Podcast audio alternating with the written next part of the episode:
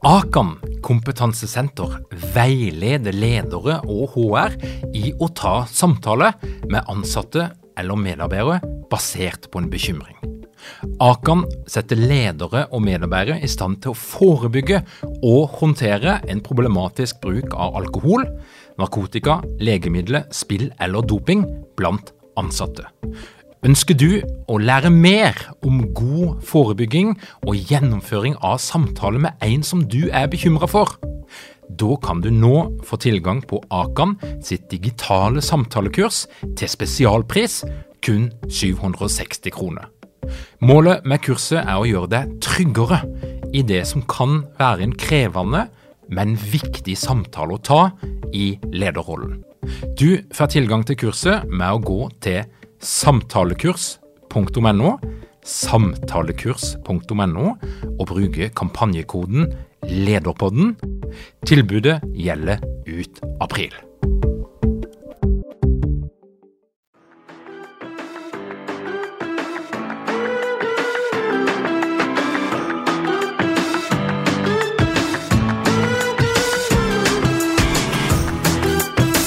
Velkommen til Lederpodden.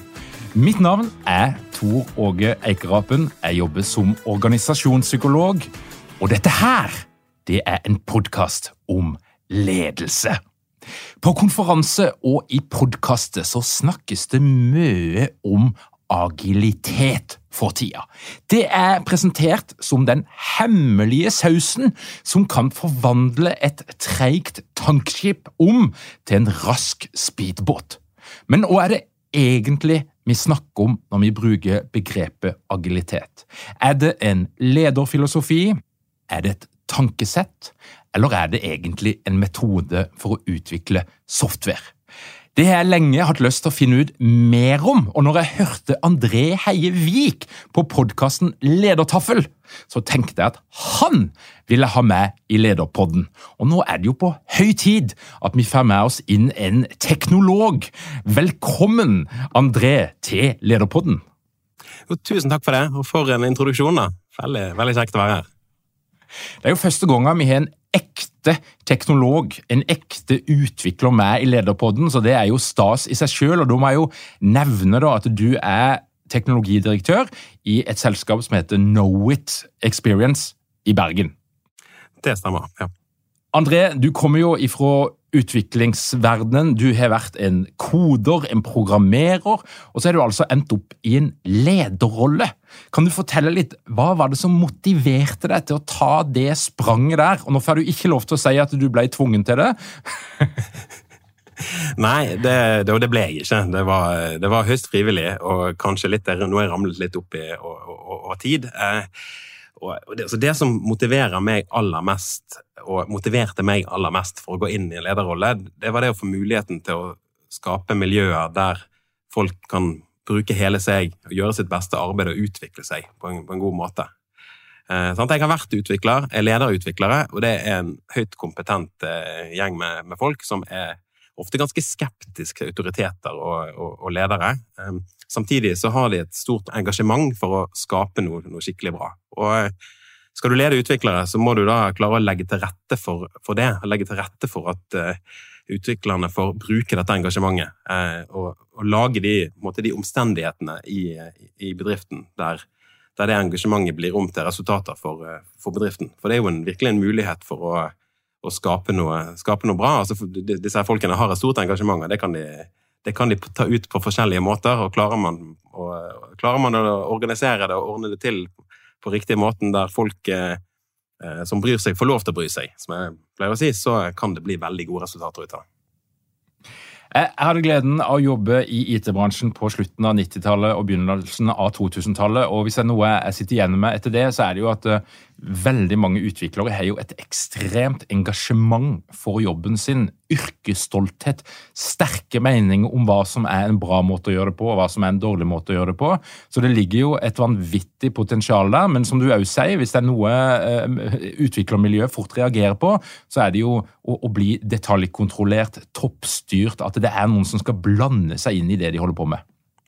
Det, det er akkurat det. Det er liksom en eh, Jeg sier noen ganger at det er en det er en sånn bullshit-faktor. Altså et, et, miljø som har for mye sånne ting som uh, utviklere ikke, ikke, ser på som nyttig, det tiltrekker seg og klarer ikke å holde på de beste folkene. Og, uh, nei, for det er en uh, det, det, er på en måte en sånn flippside det der av å ha veldig veldig faglig sterke og engasjerte folk, er jo at, at du, du, må, du, må utnytte, ja, du må utnytte det på rett måte. Det var vel egentlig det jeg var inne på, på, på, på i sted. Altså. Det er det er et så utrolig stort potensial både for, både for bråk og, og, og vidunder i, i, en, i, en sånn, i, et sånt miljø. For det er jo, det er på en måte folk som eh, lever av, av kompetanse. Sant? Du er på en måte Du har tatt, eh, du har tatt en bachelorgrad, du har tatt en mastergrad. Da er du jo bare på, på, starten av alt du skal lære deg for å fungere i det yrket. Og det skjønner jo alle at her handler det om å utvikle sin egen kompetanse. og Eh, vi som er i konsulentbransjen, vi lever jo av å selge den kompetansen, til og med. Så da, da blir jo det også så, så veldig, veldig, veldig viktig at folk får lov til å, å, å bli, bli, gode, da. Eh, eh, og så har jeg sittet mange år som leder av utviklere i innemiljøer i, i bank og finans, og, og, og der ser du jo òg den enorme kraften i at folk som er altså, høykompetente folk, får lov til å lære seg om fagområder langt utenfor det, sånn, langt, det de lærte på skolen. For eksempel, eh, i et forsikringsselskap. Det er jo ingen som går på skole for å lære seg om forsikring. Det lærer du i bransjen. Og, og det, det, så vi jo i, når jeg jobbet i, i Frende Forsikring, at, eh, at utviklerne jo, fikk jo enorm detaljkunnskap om hvordan forsikring eh, fungerte. Vi valgte også å sende dem på samme selgerkurset som de, de nyansatte forsikringsselgerne for å forstå produktene. Og det var jo kjempenyttig, sant? for de fikk et eierskap til hva butikken gikk i. Og så har vi jo da kommet fram til dette her agilitetsbegrepet. Og bare for å gå litt sånn tilbake i tid, så er jo dette her et gammelt ord. Jeg tror det er fransk opprinnelig. Det er, det, det, hvis du søker på Wikipedia, så finner du ut at det betyr noe cirka sånn som fleksibilitet, evne til å eh, tilpasse seg omgivelsene. Altså det er et ord som fantes i ordboka lenge før den første datamaskinen ble funnet opp. Så den parkerer vi.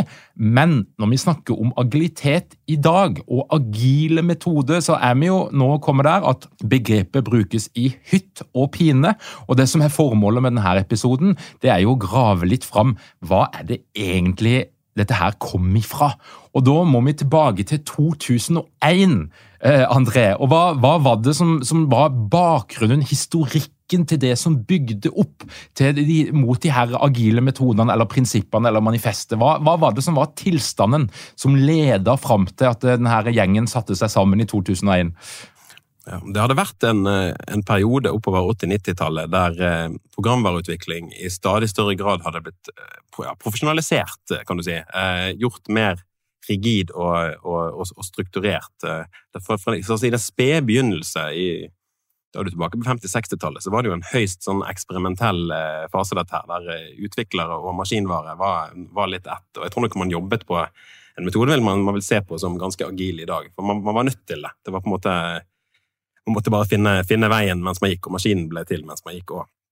Men etter hvert så ble utviklingsprosjektene stadig mer kompliserte. Det, var, ja, det gikk store penger inn i dette her, og, eh, og det kom opp utviklingsmetodologier som var ganske, ganske tungrodde, vil, vil jeg, si. Eh, og, og den motreaksjonen som da oppsto på, på 90-tallet, var at noen eh, si, sterke utviklere eller folk som hadde vært eh, fremtredende ledere i utviklingsprosjekter, de, eh, de sa at eh, ja, har, noen av oss har prøvd andre ting. Vi har jobbet på andre måter. Vi har sett suksesser med å jobbe på andre måter. Og eh, noen av de der som hadde møttes på konferanser i den, den tiden, de sa la oss, la oss samles og, og, skrive et manifest. Så der ble det invitert en, en, gjeng, og noen av de valgte å dra. Det var vel en del det ble en gjeng med gråhårede menn, får man, får man si det kanskje et tegn i tiden tilbake til 2001 at det var sånn det var. Eh, og det var definitivt eh, sterke kvinner i det miljøet, men det var ingen av de som var med å skrive under på manifestet. Eh, og, og, de dro da opp til et sånn skiresort i Snowbird, Utah, i februar 2001. og ble enige om noen setninger på hva, hva dette var og, og, og, ikke var. Og Det som er interessant med det agile manifestet, er jo at det sier jo på ingen måte at, at det forkaster ting. At det forkaster Det sier sant eh, fungerende software er viktigere enn eh, utførlig dokumentasjon. Men det er viktigere enn. Det betyr ikke at det er istedenfor. For det var på en måte mer en sånn en dreining. Eh, fokuser mer på dette og mindre på dette. Og det er jo ikke så mange setningene. Det var på en måte altså Manifestet besto av, av, disse her setningene om sant, mer av dette, mindre av dette, og noen underliggende prinsipper. Men det var ikke en, på ingen måte en total lederfilosofi. Og, eh, og, så fantes det noen metodikker som hadde fått noen år på beina på den tiden. Eh, Scrum hadde eksistert i, siden 80-tallet. Du hadde en metodikk som het extreme programming, som, eh, som begynte å få litt fotfeste, men den var veldig utviklerorientert. Men, men, det var jo på en måte ikke sånn at, at man laget en komplett ledelsesfilosofi. Man, jeg tror ikke man har ambisjoner om det heller. Det var bare dette mener vi er en bedre måte å, å lage programvare på. Det var det det handlet om i 2001. Og hvis vi stopper der, Hva er det som gjorde da at det fikk såpass kraft som det det gjorde? Altså, Var det noe med de menneskene? Skapte de en bevegelse ut av dette? her? Og hva er det som gjorde at det, det spredde seg på det viset som det da har gjort? Ja, jeg, jeg tror det, det, handlet om, eh, mye om at, at, de klarte å skape en bevegelse. Um, nå, nå, var jo dette på en tid der uh, egentlig programvareutvikling eksploderte i mengde òg. Så jeg ser jo i bransjen det er jo de fleste som uh, jobber her, er jo uh, fra Altså, ja, jeg, jeg, er 42, de fleste er vel fra min alder og, og nedover. Sant? For det har på en måte eskalert med folk i bransjen for den tiden. Så det er klart at det er jo lettere å få fotfeste når det er mange på vei inn i en bransje. Det tror jeg var en faktor. Uh, og, og, ellers så, så, så, var det Ja, det var nok Det handlet nok mye om at mange så behov for å, for å prøve noe annet enn, enn måten det hadde vært gjort på, på tidligere. Og, og, det fikk da på en måte eh, en traction i de eh, der er mye, altså I utviklingsverdenen så er det, det har vært en veldig sånn eh, verden av, av, faglige konferanser som folk drar på for å, å, lære nye ting og bli inspirert. Og mange av disse folkene var jo de som reiste rundt og, og, og fortalte om det de hadde, hadde lært.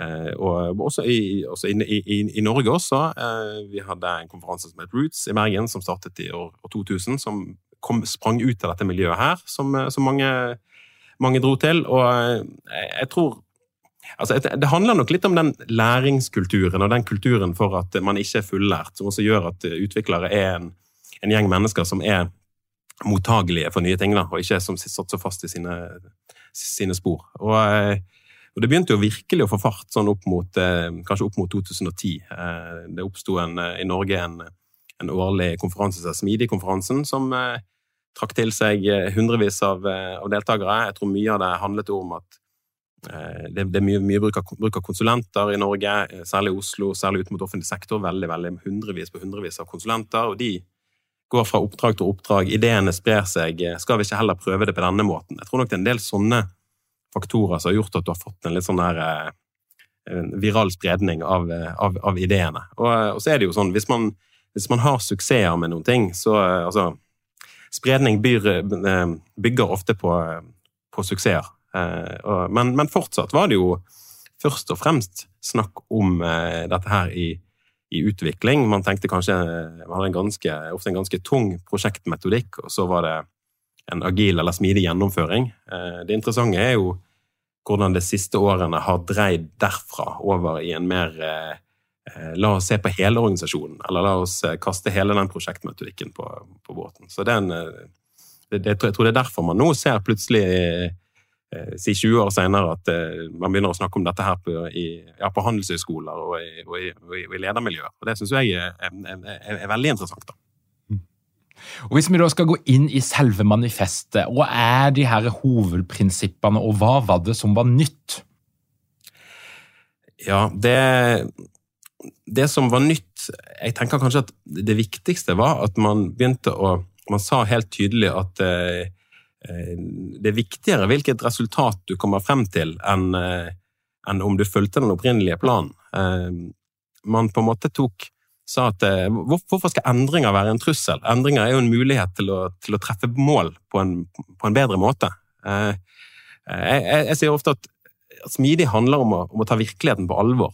Fordi at virkeligheten er kompleks. Ting, ting, endrer seg underveis. Og, og, og, det som er litt interessant med programvare i forhold til veldig mange andre ting, er jo at det er så utrolig formbart. Altså, det er ikke murstein, det er mer sånn Play-Doh. Så du, du, du, kan på en måte bygge hva som helst. Men det er også litt på godt og vondt. For det betyr jo også at eh, alle ideer som kommer, er jo mulig å gjennomføre. Kan jo, det kan jo ese, Man har et begrep man kaller feature creep. At eh, det kommer så mye nye ideer funksjonal, til funksjonalitet underveis i en eh, utviklingsløp at det bare vokser til du endelig og aldri blir ferdig. Og det, det er jo en, en fare. At, eh, at, fordi alt er mulig, så eh, kan du også aldri bli ferdig. Um, og, og, og, derfor så er det veldig Det å jobbe på en sånn måte at man, man utsetter beslutninger, eh, hold, holder muligheter og opsjoner åpne og, og, og, gjør endringer i siste liten, det er, det er, faktisk mulig. Det er ikke sånn du bygger Du kan ikke midt, midtveis i et broprosjekt eh, måte ombestemme deg om eh, skulle det være en flytebro eller skulle det være en hengebro. Men i, i, software så kan du noen ganger gjøre det uten de helt store konsekvenser. Og det blir da blir på en måte den informasjonen som kommer inn, den, eh, den blir en mulighet til å eh, Ja, kanskje halvparten av den opprinnelige kravspesifikasjonen var helt unødvendig, fordi at du lærte underveis at, eh, at det var jo ikke Det var jo ikke der vi Altså, det var jo ikke det brukerne var ute etter. Så er spørsmålet sant, hvordan Når du begynner å skjønne det at endringer og, og, kan være bra og kan være en mulighet, altså hvordan kan du utnytte det? Da kommer du inn i at du trenger feedback. Du, hvordan kan du skape mer feedback? Og det tror jeg er kanskje det som er det mest essensielle egentlig med eh, smidige, agile metoder. At eh, eh feedback er nyttig, feedback er viktig. Vi kan måtte skru på prosessen vår eh, sånn at den gir oss feedback. Det var egentlig det Skrøm som metodikk, som er en veldig sånn eh, eh, La oss jobbe i, korte, korte, intervaller, gjerne to uker der vi bestemmer oss for dette skal vi levere på disse to ukene. Og så Eh, får vi det ut, får, tilbakemelding på hvordan det fungerte, og, og, planlegger for de neste to uker basert på det vi nå har lært. Altså den, den brakte jo inn det som egentlig et helt, helt nytt tankesett. At uh, man skal ikke ha noen langsiktig plan. Man skal ha en, uh, en overordnet modell som man skal for å justere, justere kursen underveis. Og, og det er jo det som måte, er sprengstoffet i det her. Altså alle, man har jo snakket om uh, lærende organisasjoner siden 70-tallet, men her er jo faktisk konkrete metoder for å skape læring i, i organisasjoner og i prosjektarbeid. Og Når du snakker om feedback i denne sammenhengen, er det type feedback fra kunde, fra brukere? Hvordan fungerer denne funksjonen på den websida eller i den applikasjonen? Eh, eh, og hvordan kan det eventuelt bli gjort bedre?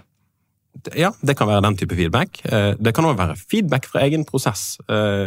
Hvordan fungerer samarbeidet i dette teamet? Hvordan er dette den optimale måten å jobbe på? Men i forhold til løsningen så snakker vi om feedback fra ekte brukere. At vi, vi tar en prototyp, eller vi tar en begrenset eh, versjon, nedstrippet eh, så lite som mulig, egentlig. Hvor lite kan vi, lite kan vi gjøre? Eh, hive det ut til en kunde og få en tilbakemelding som forteller oss om dette var nyttig eller ikke. For enhver eh, Jeg mener at enhver eh, måte, om, det, om, du, om, du snakker om en strategi eller en en idé til en løsning. Det er jo bare en teori, det er jo bare en hypotese, før du faktisk har, eh, har lansert det og fått noen ekte brukere til å, til å prøve det. Og, eh, men det er jo en eh, ganske, ganske, stor forskjell fra en tanke om at her, her, sitter på en måte en ledelse og vet best, og hvis vi bare utfører den, denne planen, så vil vi om to år stå i en mye bedre posisjon. Sant? Det er jo en helt sånn total motsetning, egentlig.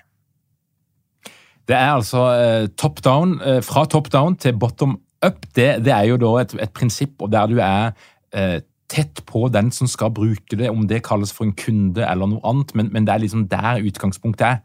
Og, og, så er det jo litt andre prinsipper. altså Det å jobbe i team, eh, tverrfaglig team, autonome team, er det noe som er beskrevet i manifestet, eller er det noe som bare har oppstått som en konsekvens?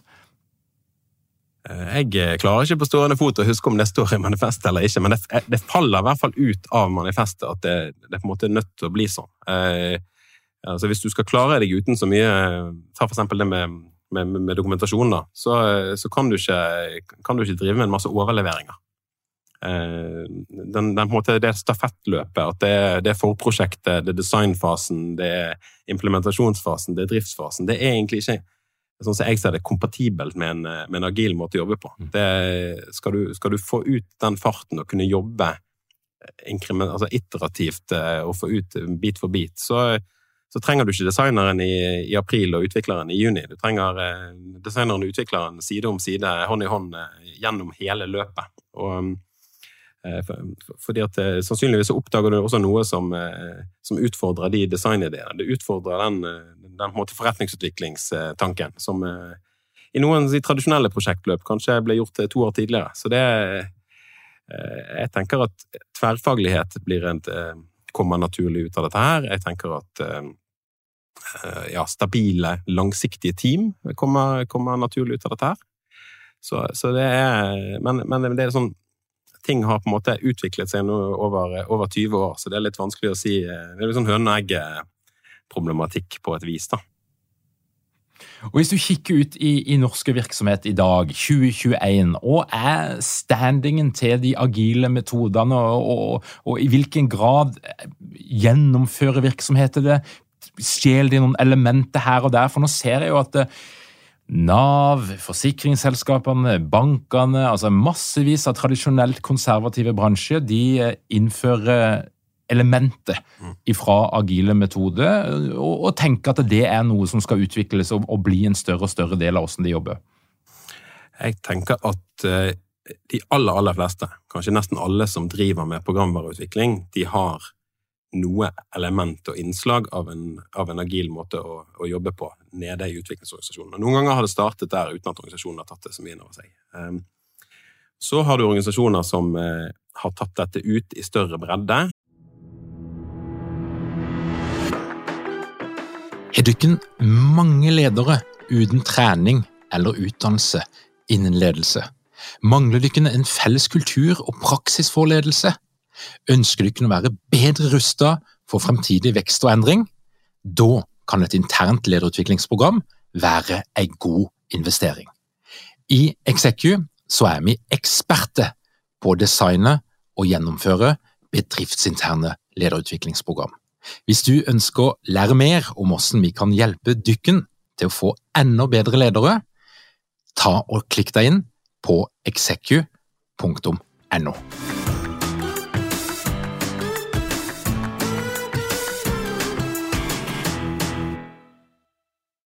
Eh, og egentlig nesten helt til altså Hele organisasjonen er organisert på en, på en agil måte. Riks-TV er et eksempel som ofte trekkes frem på en, på en organisasjon som, som, er der. Eh, jeg har, jo, jeg har, jo, på en måte bare hørt de, de snakke om det og sett foredrag og sånn, sånn på det, men jeg opplever at de, de, forstår det, og de gjør det. Eh, aldri vært der sjøl. Eh, eh, VIPS og en organisasjon som jeg absolutt har inntrykk av er, er der. Eh, og skal tenke på flere eksempler. Så det er mye i medie og bank og finans, i alle fall, så syns jeg begynner å se stadig flere eksempler på organisasjoner som tar, tar dette til seg. Men, eh, men, det er nok mange organisasjoner som snakker om at de har agile team, uten at de nødvendigvis har endret så veldig mye på styringsmodellen, prioriteringsmodellen, hvordan de tar beslutninger. Eh, og, eh, og det tror jeg Og det er jo det er ikke til å komme forbi at det er veldig det er både krevende, det er på en måte krevende å gi, gi, så mye slipp og gi så mye autonomi. En annen ting er jo at dette er jo eh, strategiimplementasjon på et veldig avansert nivå. som eh, altså De fleste organisasjoner sliter jo egentlig med å måte, forbinde strekene mellom eh, overordnet strategi og, og, og, hva som gjøres ute i team. Og, og, her er det jo egentlig å gjøre det på en ganske sånn totalt distribuert og autonom måte. Så jeg, jeg forstår at dette er veldig vanskelig. og jeg har, ikke alle organisasjoner jeg har jobbet i, har i større eller mindre grad slitt med, med, med å få det til. Da det som kanskje er et tegn som man har sett de siste årene, er at du har på en måte to agile endringer som forhåpentligvis møtes på midten av den som har skjedd fra gulvet i utviklingsteamene i 15-20 år noen steder, og så har du den som eh, der, der, toppledelsen begynner å få opp eh, øynene for at det er noe som heter agilitet, og har lest noen rapporter fra McKinsey og andre. og så må man jo håpe at man, man finner noe felles begrepsapparat på midten, men det er, ikke, det er ikke alltid gøy for de som eh, sitter i team si et utviklingsteam når de hører at opplevelsen ja, nå, nå, har vi agile team. Og så tenker de Men det har vi jo slettes ikke. Sant? Det er ikke alltid det motiverende, da. Nei, og det er jo litt av faren her, for eh, jeg kjenner jo litt sånn suget etter den store agilitetsboka som bare definerer alt ifra ledelse, organisering og ned til utviklingsmetode. Men det du sier noe om her, det er at det er lett for at dette her begrepet vannes litt ut, og at vi mener veldig forskjellige ting med det. Og det er veldig lett for en, en litt framadstormende leder å ta dette her begrepet, bruke det som en liten sånn reklamegreie eller agilitetsvasking. Um, og så sitter det utviklere og, og, egentlig kjenner på at dette her, dette her er jo ikke sant. Ja. Eller dette her du, du, kjære leder, du skjønner ikke hva du snakker om. Nei, nei nettopp. Og det er en sånn tendens sant, at hvis man hører om noe nytt, så det er veldig lett å nikke og smile til de tingene man kjenner igjen, men det som er litt sånn vanskelig utfordrende, det, det er bare later man som man ikke har hørt om, og så lar man det passere. da. Eh, og Eh, men den, jeg er litt redd for den store, store tjukke boken der som definerer alt. For den, den finnes, den. Altså, noen, noen, har pakket den inn og prøver å selge den. Og det er disse store, agile skaleringsrammeverkene som på en måte bare har eh, Ja da, bare kjøp sertifisering og kurs og, og implementer dette her, så er du 100% agil. Eh, jeg, jeg har pleid å si at dette, okay, Kanskje kan disse gjøre det bedre hvis du er en veldig veldig stor og tung organisasjon, men for en organisasjon av sånne, sånne størrelser som jeg har jobbet i, så, ja, de, de, løser noen problemer vi, vi, ikke har, og håper vi aldri får. Og, og det er ikke bare Vi var jeg eh, hørte fra Therese Sverdrup på NHH at de hadde noe forskning på organisasjoner som har innført et sånt rammeverk og opplever eh, at de rett og slett hemmer agilitet, for det blir så, det blir så tungrodd. Men, men, da er det på en måte, da har toppledelsen kan de bare krysse av. Vi har, eh, ja, vi har kjøpt dette store rammeverket og innført det. og og, og, og, alt er fint. Eh, jeg, jeg, har ikke noe tro på det. Altså, det, det, er sånn det er sånn med Det gjelder jo egentlig all endring og metodikk at uh, du, må, du, må, forstå hvor du er. Altså, din, din kontekst som organisasjon er, helt unik, og hvis du skal hvis du på en måte skal implementere copy-paste akkurat det som noen andre har gjort, så må du jo må du klare å endre de forutsetningene, omtrent endre folkene òg. Det, det, er jo umulig. Så Altså, lykke, lykke, til. Altså, struktur, struktur, og kultur er, er, er gjensidig avhengig, og, og, og din posisjon er, er, noe annet enn disse andre selskapene. Så, så en, den, den, kompleksiteten skal man ikke undervurdere. Og Det du sier noe om, det er jo egentlig at i idet du skaper en sånn bibel og et veldig rigid rammeverk, så er du jo ikke agil lenger. Det er jo helt ja, poenget. Akkurat, ja. Altså, det er jo ikke fleksibelt. Nei, det, det er det det ikke er. Det, og, da, og, da, lærer du ikke. Da prøver du bare å kopiere det noen, noen andre har gjort. Og så eh, det er i hvert fall en sånn sykdomstegn jeg, jeg, jeg ser det. det. Men det er jo gjerne det du ser når, når, noe har eksistert lenge nok og blitt populært nok, så, så mister det sin opprinnelige betydning. Sant? Det har skjedd med lean, det, det skjer med agile. Det, det, det skjer med, en, med enhver metodikk, tror jeg. Og I softwareutvikling så er det de agile metodene som, som, ruler langt på vei, og så smitter de jo over til andre. Og så er det jo litt sånn i den tida vi lever i, at det er jo veldig få bedrifter i dag som ikke på en eller annen måte er en teknologivirksomhet. Så teknologien treffer jo alle. Eh, men, men, i de mer tradisjonelle produksjonsvirksomhetene så er det jo lean som har stått veldig sterkt. Og av og til så opplever en jo at eh, når folk blir ordentlig lean-frelst, så er jo lean en hammer som en skal løse et hvilket som helst problem med. Det samme kan en jo tenke om agilitet, at en blir litt trangsynt, litt frelst og litt eh, fundamentalistisk på sin tanke rundt dette her. Men, men, men hva er, er forskjellen? For at Lean og agile metoder har iallfall noe til felles, og det er jo et eller annet rundt brukeren i sentrum. Det har iallfall jeg fått med meg. Men hva er det som er forskjellen på de her to tilnærmingene, filosofiene? Ja, og Det spørs jo egentlig hva slags lean du, du snakker om, men, men lean, lean, manufacturing er jo veldig opptatt av standardisering, redusere variasjon. Eh, og, og, eh, og, og den biten fungerer ikke i, i, i kunnskapsarbeid. Altså, som, altså, variasjonen er jo egentlig til dels en bra ting. Altså, det å akseptere at ting eh, er annerledes og ta, ta endring inn over seg. Eh, det det derimot har veldig sterk grad til felles, er jo det her fokuset på flyt eh, fremfor ressursoptimalisering. måte, sant, I linene det der går vekk fra på en måte, nå skal vi skal optimalisere hvert, hvert, ledd og bare ja, ja, vi, det er en bilfabrikk, vi har en vi er perfekt eh, optimalisert på å produsere panser. Problemet var at vi produserer 100 ganger flere panser enn de biler enn vi trenger. Sant? Det, det er jo sånn mer sånn just in time og akkurat nok som du trenger. Og, fordi at det er flyten, det er bilene. Det er bilen på en måte fra, fra omtrent smelteverket til ut, utenfor døren. Det er den flyten du optimaliserer for, ikke for hvert ledd internt. Og det finner man jo absolutt igjen i agile metoder. altså en agil, jeg vil ikke kalle det metode, men et tankesett er det man kaller kanban. og det er jo det er jo inspirert av Lean. Det er jo en sånn flytorientert eh, utviklingstanke. Der det, altså det, er viktigere å fullføre oppgaver enn å begynne på nye. Eh, begrens hvor mange det, ting du holder på med om gangen, fordi at eh, det er mindre effektivt. Og, og, og altså, jo, jo, mer multitasking du driver med, det er jo hentet direkte ut fra, fra Lean. Eh, og det, det, er gjort eh, det er på en måte gjort mye arbeid for å reformulere Lean i et uh, programvareutviklingstankesett. Uh, så, så, man kan på en måte ikke si direkte hva, hva, hva forskjellen er. Men, men, det som er sikkert, er at Lean det, oppsto litt sånn parallelt. Eh, og så har Lean etter hvert vokst litt inn i, i det smidige. Og det her med å, å mappe ut sånn value stream-mapping, den type tankegang, har jo absolutt funnet, veien inn i, i, i smidig og, og ja, i den agile bevegelsen. Så det er, sånn, eh, nei, det, det er sånn, det komplementære ting som, som overlapper mange steder. For vel, jeg må, tror jeg er min beste svar på det spørsmålet der. Og så er det jo ledere som hører på Lederpodden, og noen av de tenker jo at vi må bli mer agile. Vi må bli litt mer lik på en speedbåt enn et tankskip eller containerskip. Og så ønsker de da å teste ut noen agile metode eller et eller annet som de kan eksperimentere med. Og Hvor er det det er lettest å begynne? Hvis vi skal starte en virksomhet i dag, og så ønsker vi å, å sette noen prinsipper ganske tidlig, eh, en måte å jobbe på, men vi driver ikke nødvendigvis med softwareutvikling.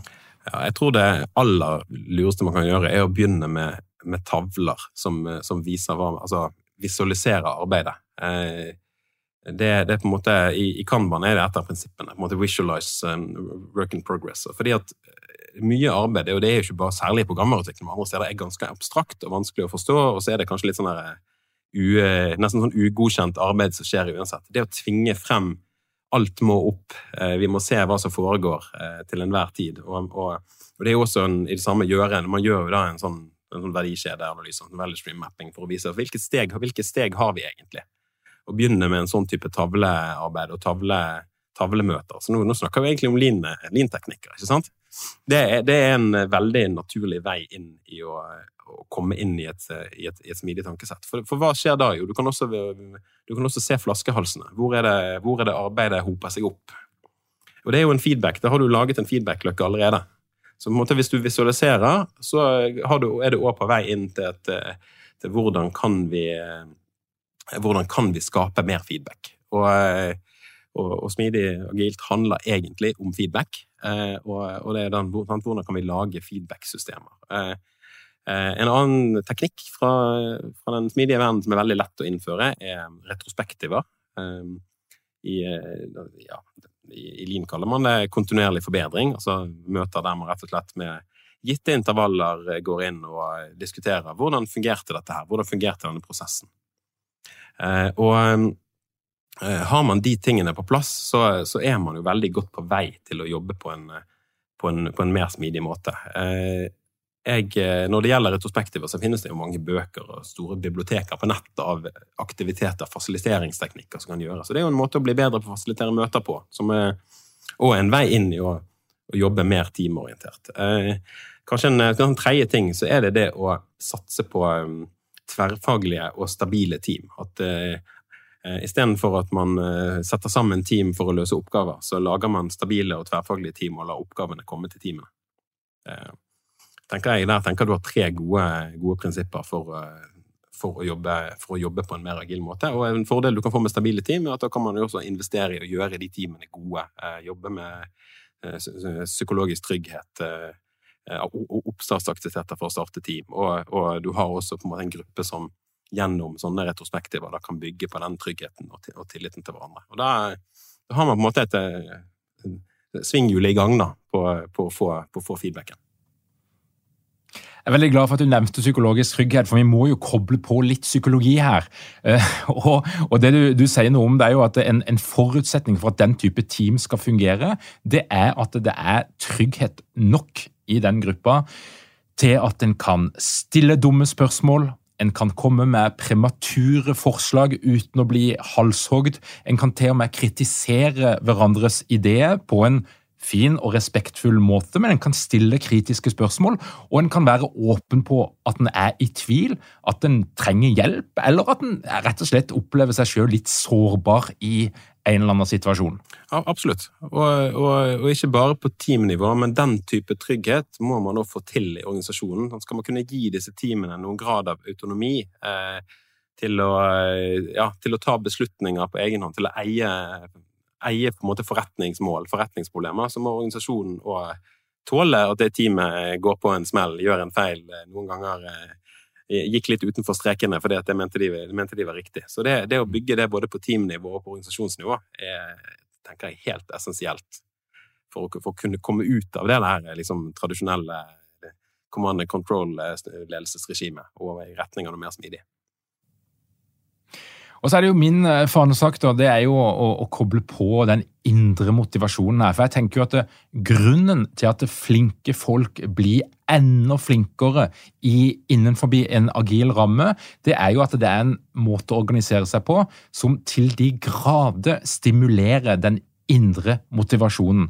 Altså vårt behov for mestring og læring og det å, å, å beherske nye ting autonomi, fraværet av byråkrati, og at det at du eier prosessen litt sjøl og kan påvirke det som skjer, som du jo kan i de her timene, gir jo òg en større opplevelse av mening, tenker jeg, for, for eh, mennesker som, som, eh, absolutt opplever at mening må være til stede for at det, jobben skal være noe gøy. Ja, og, og ikke minst det, det, det tredje punktet her med, med mestring. At, at, du på en måte du får lov til å ta eierskap til, til et problem. Du får teamet eier noe, og, og, man får jobbe med det over tid sammen i et stabilt team. Og, da får man, da får man alle de tre elementene som gir den, gir den indre motivasjonen. Og eh, det er jeg 100, 100 enig i. Det eh, dette, dette, dette, skaper forutsetningene for, for, å dyrke indre motivasjon, rett og slett. Og, og jeg tror det er derfor det er så kraftfullt, og det er derfor de som har jobbet i,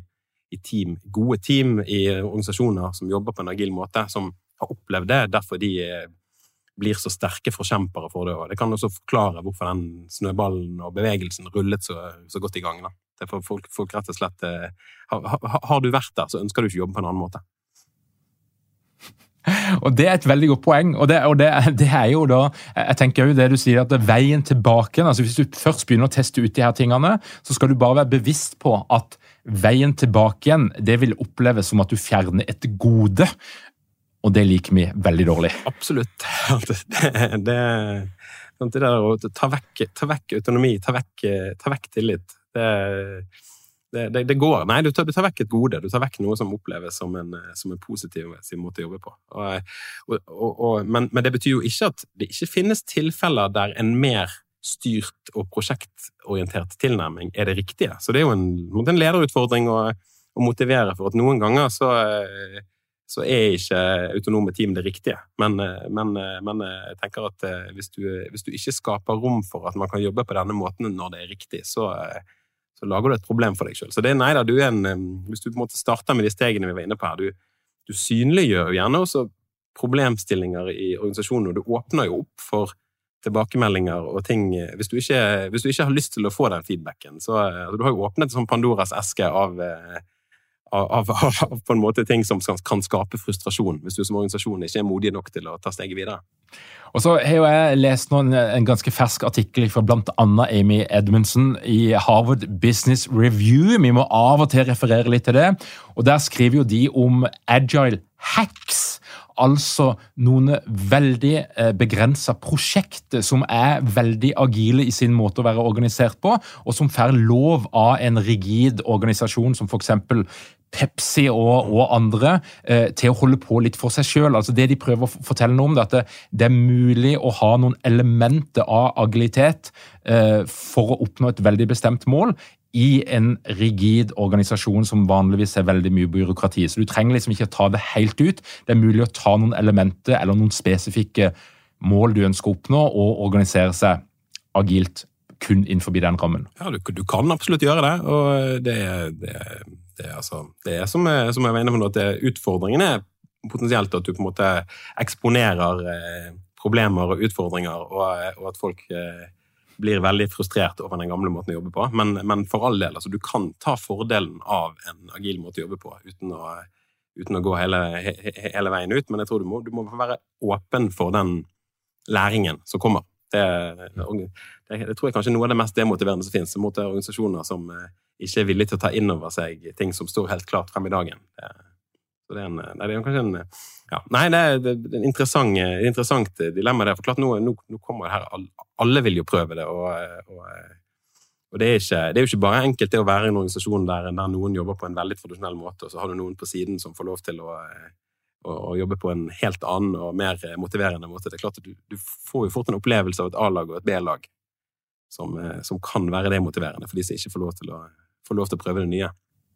Og Det jeg konkluderer med da, André, det er at her vil det bli mer enn nok jobb både for teknologene og organisasjonspsykologene. Så framtida ser lys ut. Det gjør den. Du blir aldri tom for arbeid. Vi er på vei inn i eh, en agil verden, og jeg tenker jo at alle ledere Eh, som lytter på Lederpodden, og som ikke lytter på Lederpodden, en, en, må jo ha et forhold til dette her, i hvert fall. En bør gjøre seg kjent med de her begrepene, hvis ikke blir du rett og slett påkjørt bakfra. For, for uh, det er så mye bøss rundt dette her fenomenet at en må på en eller annen måte ta stilling til hvordan skal vi bruke dette her, eller eventuelt si nei til å være med på agilitetstoget som gjenger i høy fart. Jeg er helt enig, og det er viktig å skaffe seg en ordentlig forståelse av, av, av hva det er. Eh, så gå, håper liksom sånn som den samtalen vi har hatt nå, at det kan belyse det med litt mer, eh, litt mer dybde enn en ren sånn overfladisk. Fordi, fordi det, er, det, er, ikke noe sånn Det er ikke bare en overfladisk eh, enkel metodikk som du, kan, som du kan forstå på fem minutter. Du må, du må gå litt inn og skjønne, skjønne at det er, det er, et nytt tankesett, rett og slett. André, Tusen hjertelig takk for at du kom til Lederpodden. Jeg håper at vi snakkes igjen eh, litt eh, lenger nede på den agile veien, men tusen takk. Jo, takk for meg. Det var veldig gøy å være med. Til du som hører på Lederpodden, takk for at du gjør det. Hvis du har lyst til å få med deg alt vi holder på med i vår agile lederverden, så kommer du deg inn på lederpodden.no og legger igjen din e-post. Da får du vårt nyhetsbrev hver eneste fredag. Hvis du har lyst til å ta det enda lenger og lære mer og utvikle deg, bli inspirert, møte andre ledere i våre månedlige digitale treff, ja, da har vi en plass til deg i ledernettverket, og du melder deg inn med å gå inn på ledernettverket.no, ledernettverket.no. Takk for at du hører på oss. Liker du det du hører, gi oss gjerne ei rating. Jeg ønsker deg ei veldig god uke, og så høres vi snart igjen.